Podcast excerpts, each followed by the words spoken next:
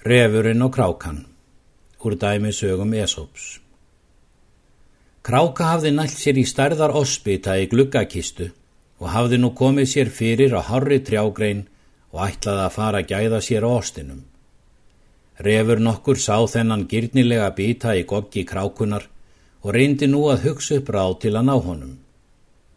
Æ, kráka, saðan, en hvað vangirnir þínir eru fallegir, en hvað augun þín eru björt og hvað hálsin er tignarlegur og brjósti á þér er í rauninni eins og arnar brjóst.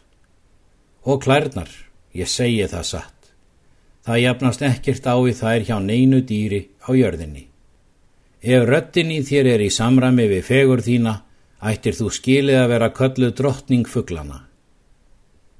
Krákan var svo upp með sér af smjæður í refsins að hún opnaði goggin til að láta hann hillast af krunkinu en þá datt ospitinn og reppi var fljótur að grípa hann.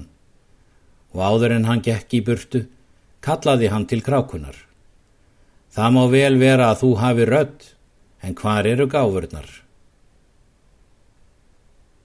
Þessi saga var orðið svona í vísu fyrir fjögur hundru árum. Var það Einar Sigursson í Eidölum sem samti hana. Refurinn hælir hrafni mest, Hann kunna syngja fuggla best.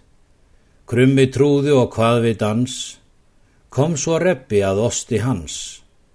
Heimskur er sá sem hugnast orðin hæðins manns.